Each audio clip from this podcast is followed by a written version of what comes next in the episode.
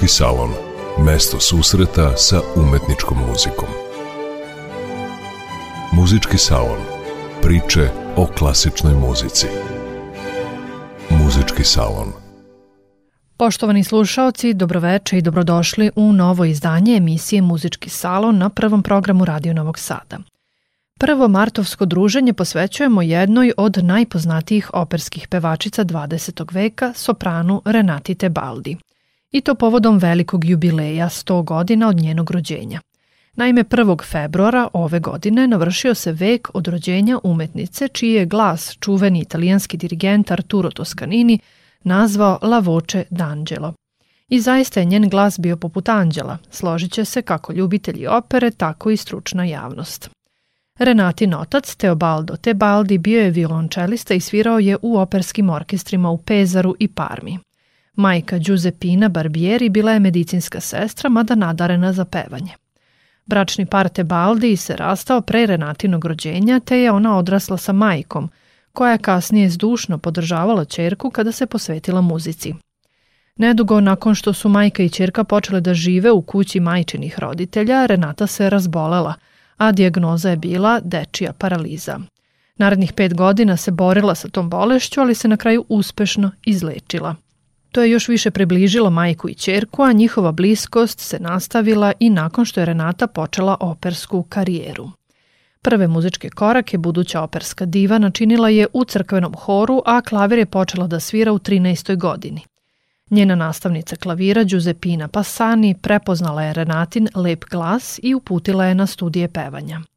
Sa 17 godina primljena je na konzervatorijum u Parmi gde joj je jedan od profesora bio Ettore Campo Galliani, istaknuti vokalni pedagog koji je predavao pevanje mnogim čuvenim italijanskim pevačima, poput Luciana Pavarotija, Mirele Freni ili Karla Bergoncija. Kasnije prelazi na konzervatorijum u Pezaro, koji nosi ime Joaquina Rossinija. Tamo je njena profesorka pevanja bila Carmen Melis i sama istaknuta operska umetnica, specijalizovana za tumačenje uloga iz verističkog repertoara.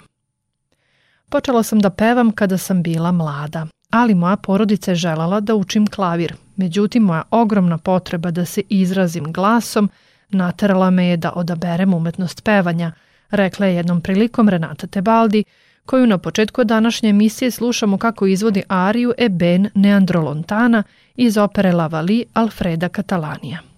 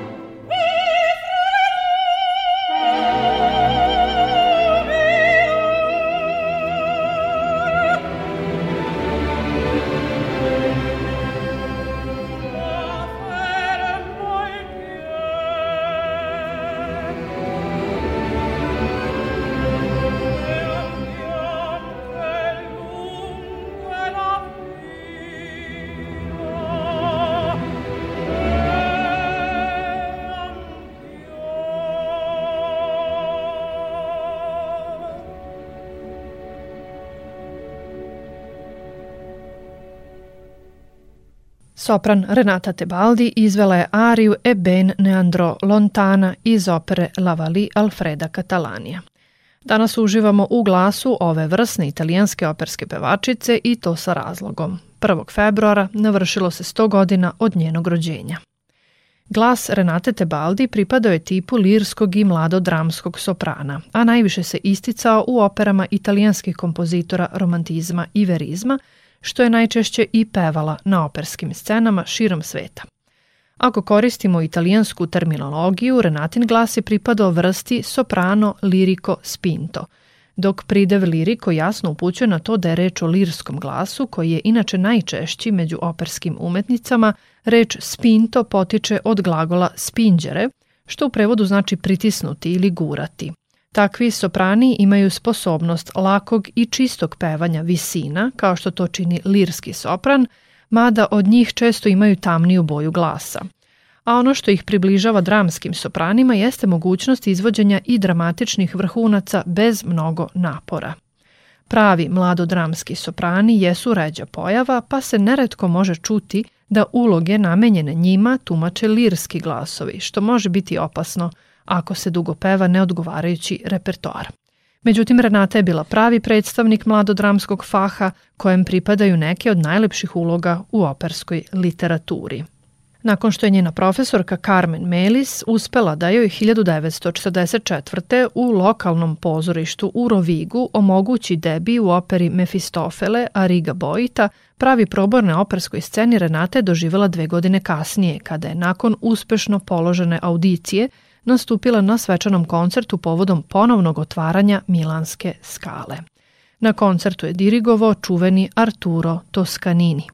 Tada počinje njena karijera nastupima širom Italije, a repertoar koji izvodi veoma je raznolik. Renata peva uloge u rasponu od baroka, kao što je Hendlov Julije Cezar, preko opera Rossinija i Spontinija pa sve do Wagnerovih muzičkih drama.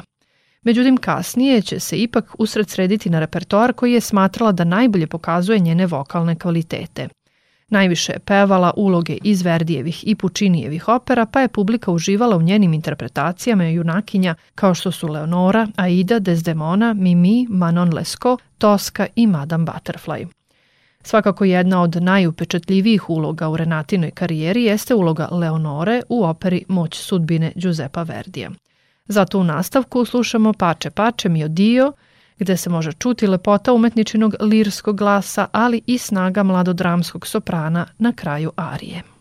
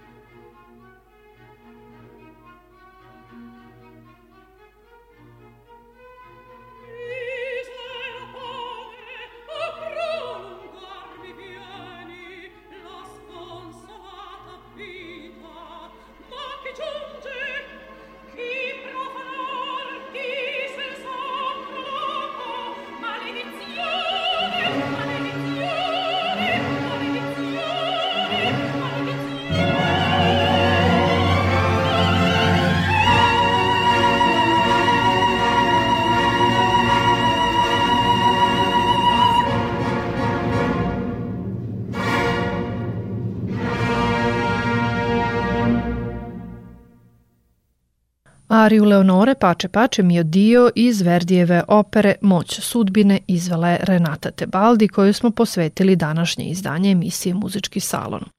Tokom karijere Renata je imala više od 1200 nastupa na operskim scenama, a otpevala je i više od 200 koncerata. Iako je pevala u gotovo svim prestižnim operskim kućama kao što su Bečka državna opera ili Covent Garden u Londonu, ona je ipak bila zvezda Milanske skale i njujorskog metropolitena. Imala je i ona, poput drugih pevača, uspone i padove u karijeri, ali se, kako kaže, na vreme povukla sa operske scene. Bilo je to 1973. nakon nastupa u Metropolitenu u ulozi Desdemone iz Verdijevog Otela. To je ujedno bila uloga u kojoj je debitovala u toj operskoj kući gotovo dve decenije pre toga. Poslednji resital održala je u Carnegie Hallu 1976. godine, mada je i kasnije povremeno nastupala. U jednom intervjuu iz 1991. Renata se osvrće na svoju karijeru i kaže pamti samo lepe uspomene. Moja duša je uvek bila bliska pevanju, bilo je to pravo uživanje za mene. Najbolja stvar koju možete učiniti je da sa drugim ljudima podelite darove koje ste dobili od Boga – Kada ste u prilici da nešto date, to vam se višestruko vraća. Srećom, ljubitelji opere i danas, gotovo 20 godina od njene smrti, mogu da uživaju u Renatinim interpretacijama, jer su, zahvaljujući izdavačkoj kući Deka, zabeležene na nosačima zvuka. U narednim minutima slušamo još jednu ariju iz repertoara mladodramskih soprana. Potresnu ariju glavne junakinje iz opere Manon Lescaut Giacomo Puccinija.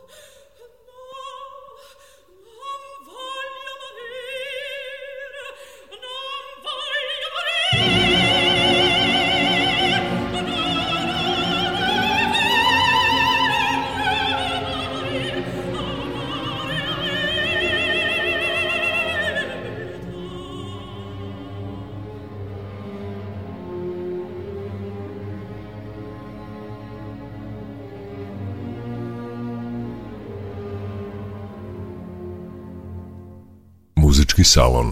Mesto susreta sa umetničkom muzikom. Bila je to arija sola perduta abandonata iz Pučinijeve opere Manon Lescaut u interpretaciji Renate Tebaldi.